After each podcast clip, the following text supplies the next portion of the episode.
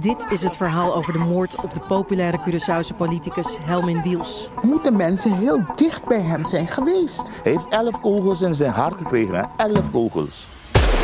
In zijn hart. Wiels de moordzaak is nu te beluisteren in je podcast-app. Dit is een aanslag op onze rechtsstaat. Wiersum was de advocaat van Nabil B., kroongetuige in het liquidatieproces rondom topcrimineel Ridwan Taghi. Elke moord is heel erg, maar als deze moord te maken heeft met de verklaringen die zijn afgelegd door de kroongetuigen, is het nog erger. Welkom bij de Taghi-podcast van Het Parool. Mijn naam is Corrie Gerritsma en naast me zitten aan tafel Paul Vugts en Wouter Laumans. Welkom heren. Hoi. In deze aflevering gaan we het hebben over Dubai. Want daar werden in een grote internationale actie twee Nederlanders gearresteerd. Die worden beschouwd als criminele kopstukken. Het gaat om de Nederlandse Bosnier Edin G. en de Nederlandse Marokkaan Zoher B. Ik hoop dat ik het goed uitspreek. Um, voor mij zijn die namen nieuw, maar hadden jullie eerder gehoord van Edin G? Uh, ja, maar dat dat is wel zeg maar, een bekende uh, in, het, uh, in het criminele milieu. Hij komt uit Breda. Hij wordt gerekend tot de Dino en Tito groep. En zou zich oh ja, op grote schaal bezig hebben gehouden met, met cocaïnehandel. En hij was wel, hij was wel al bekend in het, in het wereldje. En waar, waar, waardoor hij bekend is geworden is omdat hij in 2017 op een bruiloft was van Daniel Kinahan. En de Kinahan-clan, dat is een uh, criminele familie uit Ierland. Mm -hmm. En ja, die worden zeg maar beschouwd als een soort van de kopstukken van de internationale uh, drugshandel. Uh, Daniel ging trouwen met zijn tweede vrouw. En die gaf een heel groot feest in een nogal chic hotel in Dubai. Daar zijn er meer van, maar je hebt een uh, hotel dat lijkt op een soort heel groot zeil. Dat is een soort uh, ja, landmark in Dubai. ja, in alle skyline. Ja, en daar, en, daar, en daar werd dat huwelijksfeest, daar, daar vond het huwelijksfeest plaats. En daar waren allemaal criminele kopstukken. En de DEA, de Amerikaanse Drug Enforcement Agency, die was daar ook. En die hebben deze, deze Edin hebben zij maar gezien het de gast of is het een soort undercover die, die daar uh, nou ja, ik denk foto's dat ze, maakt? Nou, ze, ik weet niet of ze daar zijn uitgenodigd. Ik kan me voorstellen dat dat niet zo is. Maar ik denk wel dat ze of in de bosjes hebben gelegen met een telelens. Of onder, of uh, ja, ze, Want ja, ze hadden geloof ik de gastlijst te pakken gekregen. En op die gastlijst, meteen maar uh, ook aardig om te melden, stond bijvoorbeeld Ridwan Taghi. En Richard R., die we beter kennen als Rico de Chileen uit Amsterdam-Noord. Mm -hmm. uh, dus dat zijn echt... Uh, het was nogal een gezelschap. Het was nogal een uh, gezelschap. En dat, je hebt soms van dat soort iconische uh, foto's van bijeenkomsten en zo, die blijven dan in ons wereldje eindeloos uh, doorgaan. Er is ook bijvoorbeeld van de in 2014 geliquideerde Amsterdamse crimineel Gwenet de Marta. Uh, zijn er foto's op bruiloften en zo. En, van Scarface, Samir Biakrishan, die in 2014 is vermoord. Dan duiken altijd weer foto's op en dan gaat ook de recherche, maar ook wij kijken wie staat allemaal naast wie en op welke plek ja. op zo'n foto. Nou, dat is hier in dit, dat, die trouwerij van die Kinnahan. dat was echt een snoepwinkel voor de internationale opsporingsdienst. Want die zagen ineens gewoon mensen vrijwillig hadden allerlei criminelen zich gewoon om hem heen geschaard. Zodat je een beetje staalkaart hebt van uh, hoe de situatie zit in, uh, in een deel van de cocaïne-maffia. Ik heb in zoveel dossiers, Corrie, al uh, vakantiefoto's, bruiloftfoto's voorbij zien komen. En die re recherche die gebruikt dat soort foto's eigenlijk om een soort van verbanden aan te tonen. Van nou, uh, dat is die en dat is die. En kijk eens, hier, sta, hier lopen ze de Polonaise op een trouwerij. Maar zijn, en daarom zijn, kennen dat, ze zijn dat foto's die via telefoons van dan weer opgepakte mensen komen? Of liggen ze die zelf te maken met een soort telelens, net als op die bruiloft? Allebei. Het kan of alle, het spionnenleger van... Uh... Nee, het kan allebei. Hè. Begrafenissen, bruiloften, dat zijn, dat zijn eigenlijk ongeveer de, de, de, de bijeenkomsten ja, waarbij en dan dat is ook gewoon gebeurt. bekend dat zo'n gebeurtenis is. Het is niet in een soort achterafzaaltje Nee, maar dat zijn, van van die, groot. het zijn van die gebeurtenissen waar je uh, ook uit respect wel naartoe Mhm. moet. Als, als, als jouw zakenpartner gaat trouwen en je zegt, joh, bekijk het maar lekker, ik kom niet. Dat, dat is, kan zo worden uitgelegd van, nou, dat, uh, dat vind ik niet leuk. Je hebt ja. de grote Amsterdamse liquidatiezaak Passage. Had je uh, foto's van de begrafenis van de vader van Danny K. Toen een van de grootste Amsterdamse uh, criminelen. Ehm, en eh, daar zag je de verband, daar zag je de latere kroongetuige Fred Ross met de later geliquideerde Ali Akun. En eh, nou ja, allemaal figuren uit, eh, uit de Amsterdamse penose. Nou ja, en dan maakt dan de recherche zo'n mooi onderschriftje bij van die is die en die is die. En, en daarom zijn zij aan elkaar gelieerd. Zo is er ook op een steiger in een jachthaven ergens Stanley Hillis, geliquideerd in 2011. Een groot kopstuk van eh, Amsterdam. En dan zie je Dino Soerel en allemaal anderen om hem heen staan. En Ik vind die foto's, ja, dat klinkt een beetje sensatiebakkerig en misschien niet zo heel professioneel, maar ik vind die foto's altijd hartstikke leuk of heel hartstikke fascinerend om Ja. te Dat kijken. lijkt me ook, want ze staan waarschijnlijk ook nog heel vrolijk op en zo. Nou ja, je ziet het is even een inkijkje in een wereld dat je denkt, oh ja, eh, je, weet je, soms dan lees je zo'n dossier en dat is dan allemaal eigenlijk vaak gorddroge kost. Hè? Mhm. Pietje wordt aangehouden in een auto en er ligt dan een wapen in en Jantjes erbij. Maar als je dan zo'n zo'n zo'n bruiloft ziet, dan denk je, ah ja, zo, zo ziet het er dan, dan echt uit. En wat me altijd opvalt, is hoe verdomd gewoon het er eigenlijk allemaal Ja. uitziet. Weet En het is tastbaar, snap je? Ze staan, ze staan zelf te poseren. De- altijd proberen ze onder de radar te blijven. En zo. Ja. En ineens staan ze op een foto. En die foto waar ik het net over heb op die steiger in die jachthaven... met Stanley Hillis en consorten eromheen. Die heb ik ooit gepubliceerd. En toen belde er een, eh, nou laat ik eens zeggen, een tussenpersoon gillend op. En die eiste rectificatie of zo. Die, die was helemaal in de stress. maar hoe moet ik nou een Is foto die foto, rectificeren? staat die foto ook op het parool.nl een stuk? Of kunnen we die eh, Eh, dat, ja, daar zullen we voor zorg dragen dat hij daar weer komt. Ik weet in de niet waar show die- notes. in de show notes Ja. kunnen we misschien Ja. zetten? Dat is voor ons ook een first, dus dat is wel een goed idee. Eh, maar even terug naar die ENG. Die, die is dus bekend in die hele kring van grote criminele kopstukken. Ja, hij, hij, hij, hij wordt, dat wilde ik, hij, hem wordt zeg maar, hij wordt gekoppeld aan het superkartel. En ik las die term vandaag ook eh, weer in de kranten en ik dacht, wat is eigenlijk dat superkartel? Ja, Paul, ik wist eigenlijk, ik, ik ken de term, hè, dat je hebt een, een aantal mensen die daar eh toe gerekend worden, maar wat nou precies is. Nou, het is ook een beetje een journalistentermpje, weet je wel. Ja. Laten zien hoe belangrijk. Maar ze zijn wel echt Hebben wij het zelf bedacht? nee, ik, wij hebben, hebben het zelf niet zag gebruikt. het wij in hebben een eh, politiebericht? Maar als, je, je- als we nog meer namen noemen, bijvoorbeeld Raffaele Imperiale. eh, Mhm. Die band heeft met de, de maffia van Comorra. eh, maar ook een coffeeshop had in Amsterdam. Is ook rechtstreeks gelinkt aan eh, deze gasten. Net zoals dus die Daniel Kinhan. En dat is dan, dan weer de, degene in wiens eh, appartement in Dublin, Ierland, eh Naval F. Noffel is gearresteerd ooit. En zo maak je die cirkel mooi rond met echt, echt hele bekende kopstukken. En, en dat maakt het de facto wel een soort superkartel. Maar eh, Wout en ik proberen altijd meer te doen aan wat show, don't tell. Weet je wel, het hoeft allemaal niet zoveel met bassen en violen en pauken. Nee, dit is natuurlijk, kijk, dat superkartel eh, tussen dikke aanhalingstekens, dat zijn, is natuurlijk gewoon wat ze in politietermen een crimineel samenwerkingsverband noemen. Dus dat zijn mensen die eh, verdacht worden dat ze met elkaar eh, in de handel zitten. Zo moet je dat zien. En tegenover de, de pompeuze term als superkartel staat bijvoorbeeld de bijnaam van eh, deze eh Zoher B. En die wordt Beertje genoemd bijvoorbeeld. En volgens iemand ook nog wel Garnaal. dus Oh ja. dat is dan weer een heel andere Laten we het uitstraling. zo, zo meteen over hem hebben. Want nog even terug naar die Edin. Eh, die staat dus op de foto. Die is al langer bekend bij opsporingsdiensten. Waarschijnlijk in Nederland, misschien ook in het buitenland. Mhm. Waarom, als hij al jaren met die mensen op de foto staat... bedoel, hij zit niet in een cel. Waarom is er nu dan aandacht voor Dat is hem? een hele goede vraag. Ehm, het, is, het komt allemaal weer uit de roemruchte eh, Sky ECC data. Eh, in 2021 is, eh, zijn de servers van Sky ECC neergehaald. Nadat eerder andere servers waren neergehaald. Die die criminelen gebruikten voor hun versleutelde communicatie. Daar is, er zitten enorme bergen van miljoenen, miljoenen eh, berichten zijn eruit gekomen. En de recherche is wereldwijd nog steeds aan het graven in die berichten. En die vinden steeds weer nieuwe berichten. En dan moeten ze weer even eh, eh, eh, uitzoeken wie aan bepaalde eh, berichten te koppelen is. En zo. Dus zo komt ineens, terwijl het al eh, 2021 is geweest, die servers werden neergehaald, komen nu aan de lopende band nog steeds eh, Sky-zaken naar boven. En je moet je ook voorstellen dat die, die, die zaken, hè, dus dat onderzoek zo'n Sky, dat is een enorme grabbelton aan, aan, aan informatie. En waar gaat de recherche, eh, kan je je zo voorstellen, als eerste naar zoeken? Dat is extreem geweld. Ja. de En terreur. Geweldzaken, terreurzaken van joh, dat, en, en eh, hoe, hoe groot is de dreiging nu? Daar, daar wordt nu daar wordt een eerste eh, op gerechercheerd. Vervolgens ja, gaat de lat gewoon wat omlaag. En dan gaan ze kijken naar drugsonderzoeken. En die drugsonderzoeken die beginnen nu zo'n beetje eh, te klappen. En ik, nou, ik en Paul spreken heel veel advocaten. En die hebben het over de skyzaakjes. En dat zijn er heel erg veel. Maar dus er komen dus soort- ook heel veel namen die wij misschien niet eens horen, die, Nee, eh, maar het is die gewoon- uitkomen rollen. Het is gewoon als, als ze zien in die, in die enorme, in die grabbelton aan data, als we daar eh, iets uitvissen en ze zeggen, hé, hey, dat is die, weet je wel, dan kunnen we een zaak tegen maken. Nou, die heeft contact met die. Nou, dan, en dan, dan wordt gewoon zo'n zaak eigenlijk panklaar aangeleverd. Ja. Eh, en dan vallen, vinden de arrestaties plaats of dan zijn er, zijn er eh, huiszoekingsbevelen en dat soort dingen. Het is natuurlijk wel anders bij deze.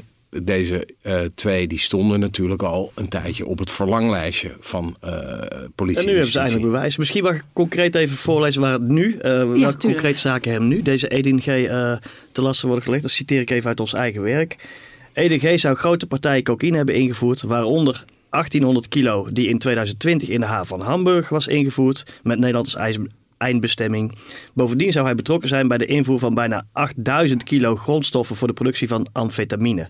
Die grondstoffen kwamen via de haven van Antwerpen binnen met een bedrijf in Nederland als eindbestemming. G zou in de invoer een leidende rol hebben gespeeld.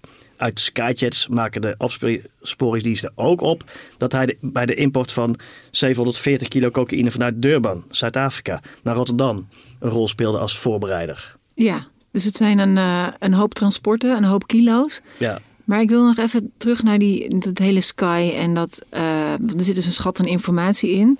En ik kan me herinneren uit, eh, uit een van de eerdere uitzendingen toen we eh, de Sky-berichten over Tachi en consorten bespraken, dat het vooral zo moeilijk was om die berichten en nummers aan één persoon te koppelen.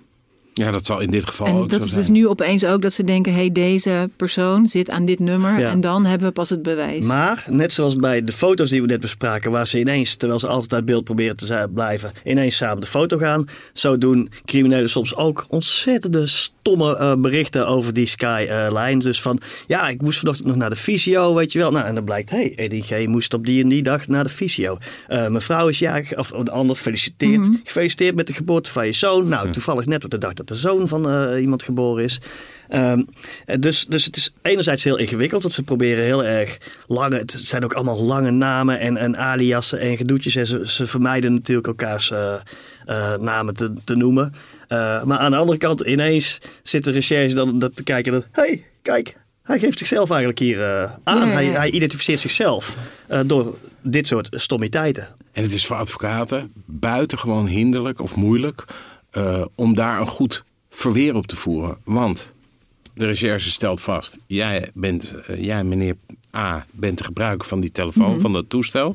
Nou, hier zit je je oudste zoon te feliciteren met zijn verjaardag. Vervolgens bestel je, hier eh, ben je aan het appen over eh, een partij drugs die onderweg is vanuit eh, Ecuador naar, naar dus ze Rotterdam. hebben niet een privételefoon en een werktelefoon. Nou, dat loopt gewoon net zoals bij jou en bij mij loopt dat gewoon allemaal soms door elkaar. En dan heb je het over een zogenaamd identificatie PV, procesverbaal. En daarin wordt eigenlijk gezegd, nou, deze telefoon die hoort bij deze persoon. En Ja. als dat eenmaal zover is, dan heb je het hard te halen in de rechtbank. En Ja. omdat dat zo is, is het nu al hele eh, tijd bezig. Eh, kijk, de advocaten hebben dan nog maar één kans. En dat is proberen heel die data, al die Sky-berichten en eerder al Enet.com en Encrochat onrechtmatig verkregen te laten verklaren. Eh, omdat er fouten zouden zijn geweest in het opsporingsonderzoek. Bij Sky is dat heel actueel. Dat speelt elke week in, in allerlei rechtbanken. Worden daar dezelfde soort eh, verhalen over eh, afgestoken. Ehm, uiteindelijk, eh, er is nu, de Hoge Raad is eh, inmiddels gevraagd om er alvast iets over te zeggen. Eh, nou ja, mijn voorspelling is dat, dat de Hoge Raad het allemaal wel best gaat vinden. En de meeste rechters en rechtbanken ook. Omdat, en gerechtshoven ook. Omdat uiteindelijk in een individuele zaak zal de recht, zullen de rechters moeten vinden dat deze verdachte individueel geraakt is door, eh, door bijvoorbeeld privacy schendingen en zo. Nou ja, die rechters die hebben dan al die berichten gelezen. Soms over liquidatie, soms over enorme partijen drugs. Ja, en eh, dan vergt het best wel enige moed van een rechtbank om te zeggen: Nou ja, we zien dit allemaal wel, maar we willen het toch maar niet zien, want het is zo zielig, want er is privacy schending. Dus Nee. het, eh, nou ja, dat loopt allemaal. Dat, maar dat zijn een soort noodsprongen, omdat die Skydata zo keihard bewijs eh, zijn in veel Maar zaken. Paul, hoeveel mensen heb jij gesproken in de afgelopen maanden die zeiden... Sky gaat vallen, dat is zeker. Hoeveel zijn dat er? Ik Ja. bedoel, ik heb zoveel mensen aan de telefoon gehad... of op andere manieren van communicatie die zeiden... dat gaat zeker eh, onderuit. Dat waren allemaal... Of Maar af- bedoel je onderuit dat het geen bewijs geen stand was? houdt in de rechtbank. Ja. Even in de rechtszaal. Eh, dat waren overigens allemaal of advocaten of hun cliënten. Eh, Mhm. Dus ja, die, die hebben toch de hoop dat dat, dat, dat nog gaat gebeuren. dat Maar, ik komt heb er ook een beetje een hard hoofd, ho- hard hoofd in. Het is het enige wat ze kunnen proberen eigenlijk in die zaken. Daar waar het zo concreet is. Kijk, in sommige zaken kun je nog zeggen, nee, is mijn klant niet. Want het is veel te vaag wat het OM, op het ministerie, Of in die verificatieverbaal heeft eh, eh, neergetekend.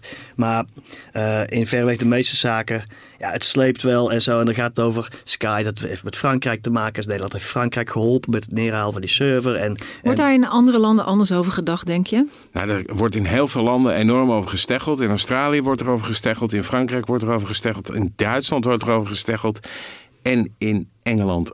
Als ik het, en dan mis ik vast nog een heleboel landen. Dus af en eigenlijk is overal de uitspraak. advocaten doen dezelfde poging natuurlijk. Ja, ja, maar en dan is er af en toe van een rechtbank soms wel eens een uitspraak die die advocaat goed uitkomt, weet je wel. Maar dan is dat bijvoorbeeld in een buitenland gebeurd en dan hoor je hier, ja, ja, we kijken, we hebben het, eh, het gaat nu, nu begint het te vallen. Ja. Maar vervolgens, eh, nou ja, ik spreek ook wel eh, andere betrokkenen zoals rechters in de, Ja. op de gang. Ja, en dan- nou ja, goed, voor zover rechters zich in dit stadium al uitlaten, dat zullen ze niet over concrete zaken doen, maar wel over het algemeen. Nou, de meeste rechters moeten nog eens zien of dit eh, nou echt me wel voorstellen. En dat is rechtertaal voor... eh nou Echt ja, niet. Goed. Eventjes, eh, we hadden het natuurlijk nu over Edin gehad. Er was ook Zoher B. Zeg Ja. ik Zoher? Sorry. Ehm, en is hij dan precies voor dezelfde transporten en hetzelfde netwerk een verdachte? Of is hij iemand die heel, helemaal niet samen met die Edin opereert? Nou, dat is nog niet zo 1, 2, 3 gezegd. Hij wordt ook in verband ge- gebracht met de grootschalige drugshandel en drugsimport. Hij is een Rotterdammer. Of hij komt uit de eh, omgeving Rotterdam, moet ik zeggen. Ehm, en ook zijn naam was al wel eh, gevallen. Alleen ehm, we hebben wel even moeten zoeken om eh, nou uit te vogelen wie hij precies is. Want de naam Beertje, zijn bijnaam, die was al wel voorbij gekomen. Maar Oh ja. ik, ik had er nog niet echt op doorgezocht. En ik wist eigenlijk nog niet precies van wie er nou precies was. Maar ja, dat hebben we dus. Wij zijn er wel een tijdje mee bezig geweest, een tijd terug. En er is ook nog eh, iemand met een bijnaam Petje. En er is Ja. nog een baardje. En eh, Ja. nou ja, er is van alles eh, in die groep. En dat hangt dan allemaal eh, rond eh, de eerder besproken Piet Costa, zeg maar. Eh, een groot drugshandelaar die inmiddels veroordeeld is hier. Eh, en daar, wie is, dat er wordt over zijn nalatenschap natuurlijk eh gesteggeld en zo. Dus wij, ehm, wij kennen zo'n naam dan wel. Maar dan moet je uiteindelijk... Eigenlijk zijn we vanochtend nog bezig geweest van hoe precies eh, heet die gast. En dan, en dan vinden we natuurlijk wel dat hij een beheermaatschappij heeft gehad in twee, tot 2018. Als we eenmaal die naam boven tafel hebben, de echte naam. Ehm, ik kan nog wel even ook weer uit eigen werk citeren over eh, waar hij nu Het concreet, parool, lees die krant. Nou, concreet we van gaan de hele krant voorlezen. Dat is ook nieuw. Ja, ja, nou, maar Paul, als we, doe het maar. Dan als we hebben we de concreet willen feiten. zijn, dan eh, willen we... We willen graag de feiten. B wordt door het Openbaar Ministerie in Rotterdam vervolgd voor de invoer van duizenden kilo's cocaïne in Nederland in 2020 en 2021, deelname aan deelname aan een criminele organisatie, witwassen van grote hoeveelheden geld, ambtelijke corruptie en het bezit van vuurwapens. De cocaïne werd voornamelijk vanuit Zuid-Amerika de havens van Antwerpen en Rotterdam ingevoerd. B zou die invoer hebben gecoördineerd. Hij stond sinds april 2022 internationaal gesignaleerd en wordt gezocht, werd gezocht door allebei Interpol aangesloten landen. En dan is het misschien handig om te zeggen dat Interpol en Europol hier ook ehm, een leidende rol hebben gehad in dit hele grote onderzoek. Waaraan ook Frankrijk, Spanje, België en wat dan ook. Staat, staat er dan vandaag in de, de Franse kranten ook twee grote Franse kopstukken opgepakt in de, in in de Spanje zag ik, ik zag dat- wel wat in Spanje voorbij komen. Het is ook niet iets wat ik dan heel scherp ga, alle landen ga afschalen. Nee, dat snap ik. Maar ik dacht meer, het is dus niet alleen Nederland. Er zijn gewoon Nee, heel nee, veel nee. mensen opgepakt. dus, en nou, er zijn ook een aantal geldwisselaars opge, eh, op, op- opgepakt. Eh, en zeg maar, als je dan zo eens een beetje je oor te luisteren legt in zowel eh, het milieu en dat soort dingen. En dan hoor je ja, dat, er, dat er gewoon een boel Pakistaanse geldwisselaars ook zijn opgepakt. En daar maakt iedereen zich eigenlijk het meeste zorgen over. Omdat die mensen hebben natuurlijk eh, misschien wel een soort van administratie. Hmm, eh, om het maar eens wat te noemen. Of van wie eh, welk geld van A naar B is gegaan en dat soort dingen. Dus er, er is wel, het is wel zeg maar, het- er, er is even, het licht is weer aan in het kippenhok, om het zo maar eens te zeggen. Eh, en ja, er is wel wat reuring in de tent nu. De grap is als je dit soort eh, onderwerpen aan het, zoals wij vandaag eh, aan de hand hebt, dan vind je steeds nieuwe beetjes. Nou ja, uiteindelijk gooi je je eigen artikel. En dan eh, komen daar ook uit het milieu en ook van advocaten weer allemaal nieuwe eh, reacties op en zo. En dan rijpen groen door elkaar. En de een is heel erg blij, want die vertegenwoordigt het, het kamp dat rivaliseert met bijvoorbeeld het kamp van Mhm. Edin G. Een neef van hem heeft al heel erg lang, heel erg eh, hoog eh, lopend conflict met hem. Dus iedereen om diegene heen is blij met deze ontwikkeling dat Edin eh, naar binnen is eh, getrokken, zoals dat op straat heet. Ehm, nou ja, en anderen zijn inderdaad super bezorgd, omdat, oh wacht, wij deden met die paak ook eh, zaken. En eh, zit ik dan in... Mijn centjes, hoe Ja. gaat het met mijn centjes? En kijk, wat je ook wel moet realiseren, hè, is dat wij, wij van de pers focussen ons ook in eerste instantie natuurlijk altijd op extreem geweld. Dus zodra je hoort martelcontainers of, of liquidaties, dat soort dingen. En de recherche doet het ook. Dat doet de recherche ook. En dat is in deze zaak vooralsnog nu niet zo. Hè? Dus dat, dat is ook een reden dat je denkt... eh, eh, Paul zei net van ja, al die namen komen voorbij. En die komen ook al eh, de hele dag eigenlijk voorbij. En eigenlijk is voor mij altijd een ding om aan te slaan is extreem geweld. Dat ik denk, oh wacht even, dit is, dit zo, dit moeten we echt even gaan uitlopen. Want ja, eh, Pietje, Jantje, Klaasje, die Maar zich bezighouden met allemaal... Dat Ja. zijn er best wel veel, ja. En die, Ja. eh, van ja, die, heeft, die houdt zich bezig met drugsinvoer. Ja, oké, dat, dat, dat zijn er meer. Ja, dat kan ik me voorstellen. De, Heb- de manier om op te vallen in het criminele milieu is door je eigenlijk gewelddadig op te stellen. Dus door bommen te gaan leggen, door mensen dood te gaan schieten, door, door al- al- al andere vormen van extreem geweld. Eigenlijk is dat de beste manier om je in de kijker van eh, de Ja. opsporingsinstanties te spelen. Dat is logisch. Ehm, nog even die, eh, die beide Nederlanders die nu zijn opgepakt in Dubai. Leefden die daar eigenlijk een soort openbaar leven? Of was het dan ook allemaal helemaal onder de radar? Of iedereen wist, of iedereen? Ik weet niet of hun namen op de deurbel stonden, maar Ja. het, eh, ik heb een filmpje gekeken. eh, Zo'n ronkend filmpje wat dan de Dubai Police naar buiten brengt, weet je wel.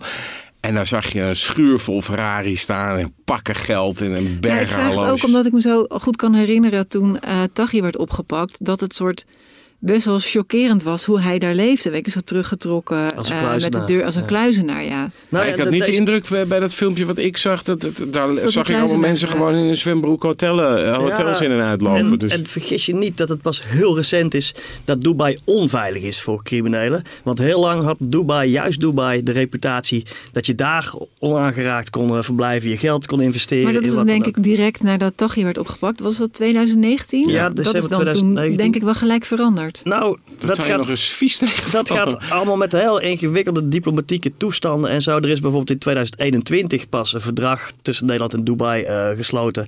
eh, waaronder de criminelen kunnen worden uitgeleverd. Er zijn daar nog allerlei criminelen die Wout en ik wel eh, eh, kennen. Soms van naam, soms zelfs persoonlijk, maar meestal vaak van naam. Die daar nog verblijven. Ook Nederlandse grote eh, jongens. Eh, en het is pas recent eh, dat, dat Dubai nu ook echt meewerkt met het uitmesten van de stal. Eh, en tot die tijd, er is daar gewoon ook een, een Club Blue. Er waren eh, verspreid over Europa, maar vooral ook in Rotterdam was er een Club Blue. Een, een- nachtclub waar echt veel criminelen kwamen en zo, waar ook veel gedoetjes waren.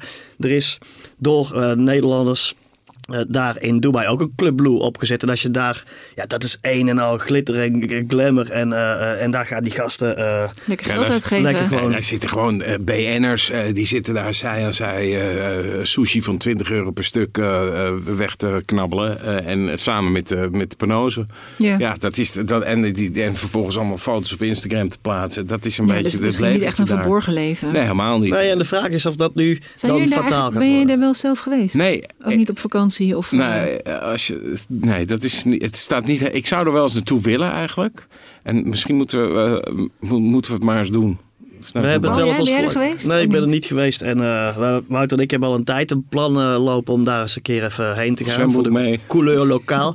Eh, Even naar maar het parool wil niet betalen. Nee, dat is uh, flauw. Zonnebrand. We kunnen dit Nee, er nog maar nee, eigenlijk, kijk, eigenlijk moeten we daar gewoon een keer heen. En we zijn er nog nooit geweest. Nee, meer dat omdat is jullie een vaker ook wel naar eh, andere, of even naar Parijs Ja. of naar Brussel, of wel dichterbij, Ja, maar waar gewoon heel veel eh, Nou Nederlanders ook terechtkomen. Ja.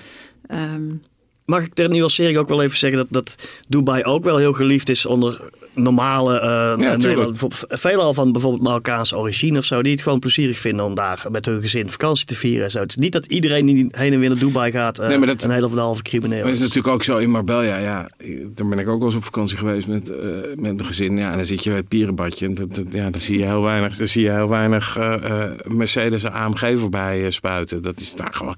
Je kan daar natuurlijk ook in dat soort orde gewoon zitten zonder dat je, zonder dat daar. Dat snap ik.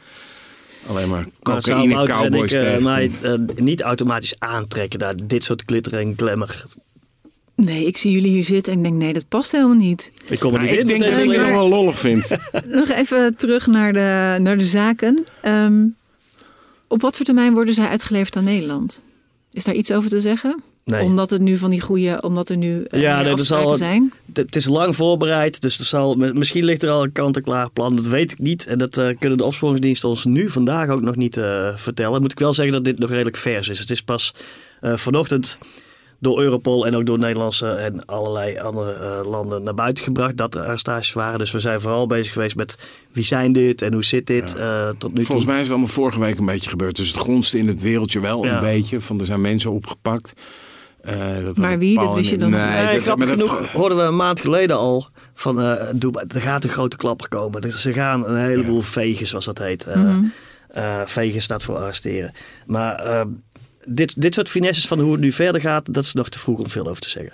Hey, en dan nog één vraag heb ik, want jullie zeiden door die hele Sky berichten is er een ontzettende verlanglijst en die EDG en ja, die verlanglijst is er stonden, altijd wel. Die hoor, stonden ook op de verlanglijst. Ja.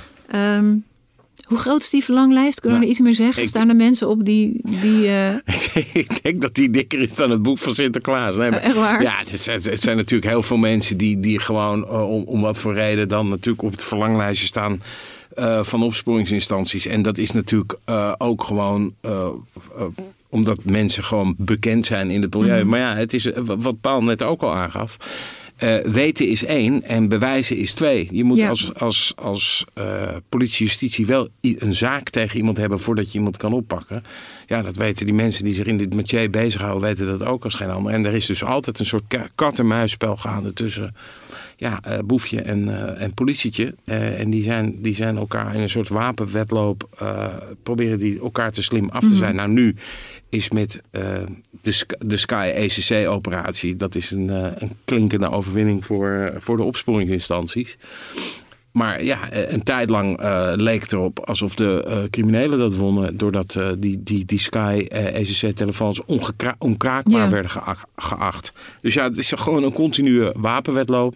Maar ik bedoel, er zijn best wel veel mensen die nog, waarvan politie en justitie zouden zeggen, nou, die zouden we wel eens achterover Wat heel interessant trekken. is, is dat, dat hebben we eerder in de eerdere afleveringen wel besproken. Dat de Nederlandse opsporingsdiensten heel erg bezig zijn met in ruime zin alle entourage rond de groepering uh, van Ridwan Taghi mm -hmm. uh, naar binnen te halen of in elk geval vleugeland te maken. Nou, daar zitten er ook nog wel een stel van uh, in Dubai en Contraille. Waarschijnlijk nog, want je weet niet of nu het licht aan is in het kippenhok, om Wouters maar, metafoor maar te gebruiken.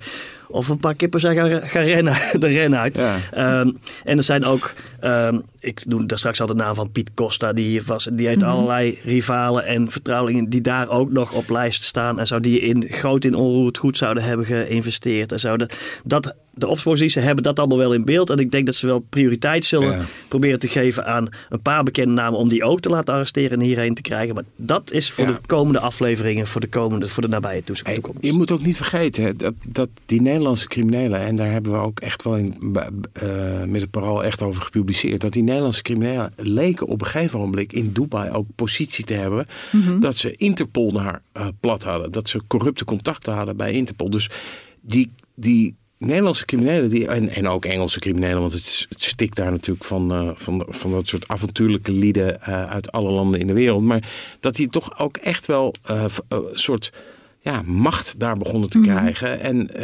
dat soort verhalen, dat vindt, dat vindt, de, vindt, de, vindt de directie van Dubai niet zo fijn. Dat ze de hele tijd in verband worden gebracht met zaken als...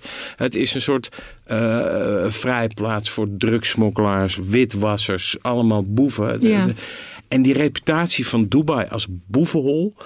daar is Dubai zelf niet meer zo blij mee. En ik denk, hè, daar hebben wij in het verleden toch ook wel veel over geschreven, Paul. Ik denk dat dat ook wel mee begint te spelen. Dat, dat ze gewoon in Dubai zeggen, ja, we gaan inderdaad de stal eens uh, uitmesten. Ja. Oké, nou ik ben benieuwd uh, wie er de komende weken, maanden uh, nog komt bovendrijven uit de Sky-berichten. Dan zijn we aan het eind gekomen van deze aflevering van de Tachi-podcast van Het Parool. Wil je meer misdaadverhalen lezen van Paul en Wouter? Download dan de app van het Parool op parool.nl slash app. Vragen kunnen nog naar tachi.parool.nl. Bedankt weer Paul en bedankt Wouter. Mijn naam is Corrie Gerritsma. Dank voor het luisteren en tot de volgende keer.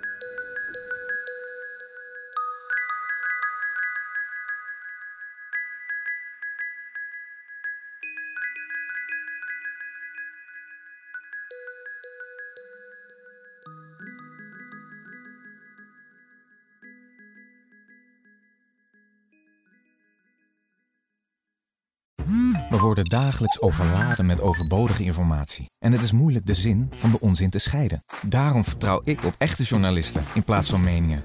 Een krantenmens heeft het gemakkelijk. Word ook een krantenmens en lees je favoriete krant nu tot al zes weken gratis. Ga snel naar krant.nl. Bezorging stopt automatisch en op deze actie zijn actievoorwaarden van toepassing. Dit is het verhaal over de moord op de populaire Curaçaose politicus Helmin Wiels. Moeten mensen heel dicht bij hem zijn geweest? Hij heeft elf kogels in zijn hart gekregen. Hè? Elf kogels. In zijn hart. Wiels de moordzaak is nu te beluisteren in je podcast-app.